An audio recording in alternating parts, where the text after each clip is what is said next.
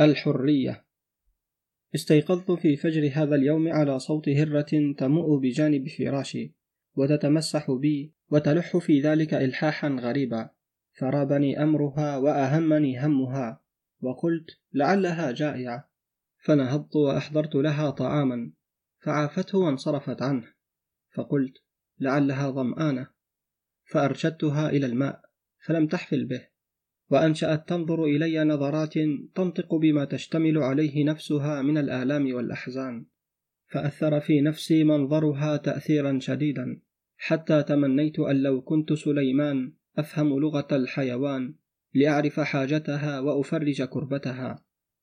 وكان باب الغرفة مقفلا فرأيت أنها تطيل النظر إليه وتتلصق بي كلما رأتني أتجه إليه فأدركت غرضها. وعرفت أنها تريد أن أفتح لها الباب فأسرعت بفتحه فما وقع نظرها على الفضاء ورأت وجه السماء حتى استحالت حالتها من حزن وهم إلى غبطة وسرور وانطلقت تعدو في سبيلها. فعدت إلى فراشي وأسلمت رأسي إلى يدي وأنشأت أفكر في أمر هذه الهرة وأعجب لشأنها وأقول ليت شعري هل تفهم الهرة معنى الحرية؟ فهي تحزن لفقدانها وتفرح بلقياها. أجل إنها تفهم معنى الحرية حق الفهم وما كان حزنها وبكاؤها وإمساكها عن الطعام والشراب إلا من أجلها وما كان تضرعها ورجاؤها وتمسحها وإلحاحها إلا سعيا وراء بلوغها. وهناك ذكرت أن كثيرا من أسرى الاستبداد من بني الإنسان لا يشعرون بما تشعر به الهرة المحبوسة في الغرفة. والوحش المعتقل في القفص والطير المقصص الجناح من ألم الأسر وشقائه. بل ربما كان بينهم من لا يفكر في وجه الخلاص أو يلتمس السبيل إلى النجاة مما هو فيه. بل ربما كان بينهم من يتمنى البقاء في هذا السجن ويأنس به ويتلذذ بآلامه وأسقامه. من أصعب المسائل التي يحار العقل البشري في حلها أن يكون الحيوان الأعجم أوسع ميدانا في الحرية من الحيوان الناطق. فهل كان نطقه شؤما عليه وعلى سعادته؟ وهل يجمل به أن يتمنى الخرس والبلة ليكون سعيدا بحريته؟ يحلق الطير في الجو ويسبح السمك في البحر ويهيم الوحش في الأودية والجبال ويعيش الإنسان رهين المحبسين. محبس نفسه ومحبس حكومته من المهد إلى اللحد. صنع الإنسان القوي للإنسان الضعيف سلاسل وأغلالا وسماها تارة ناموسا وأخرى قانونا ليظلمه باسم العدل ويسلب منه جوهرة حريته باسم الناموس والنظام.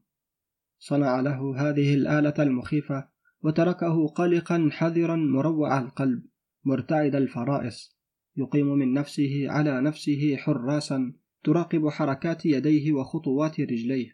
وفلتات لسانه وخطرات وهمه وخياله لينجو من عقاب المستبد ويتخلص من تعذيبه. فويل له ما أكثر جهله وويح له ما أشد حمقه. وهل يوجد في الدنيا عذاب أكبر من العذاب الذي يعالجه؟ أو سجن أضيق من السجن الذي هو فيه؟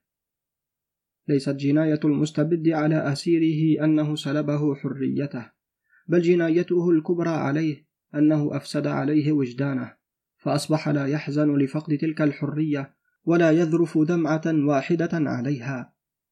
لو عرف الإنسان قيمة حريته المسلوبة منه وأدرك حقيقة ما يحيط بجسمه وعقله من السلاسل والقيود لانتحر كما ينتحر البلبل إذا حبسه الصياد في القفص. وكان ذلك خيرا له من حياة لا يرى فيها شعاعا من أشعة الحرية. ولا تخلص إليه نسمة من نسماتها.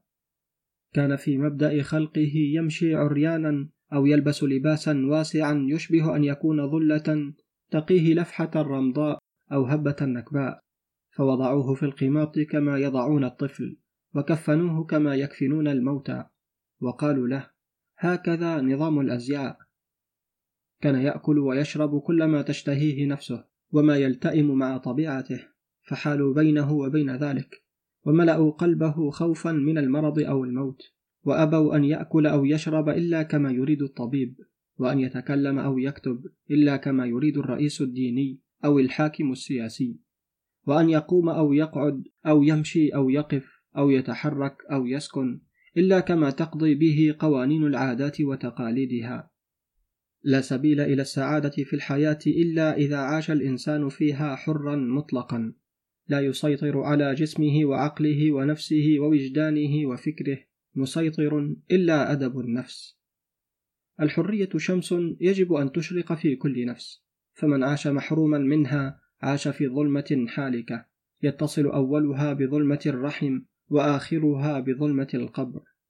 الحرية هي الحياة ولولاها لكانت حياة الإنسان أشبه شيء بحياة اللعب المتحركة في أيدي الأطفال بحركة صناعية.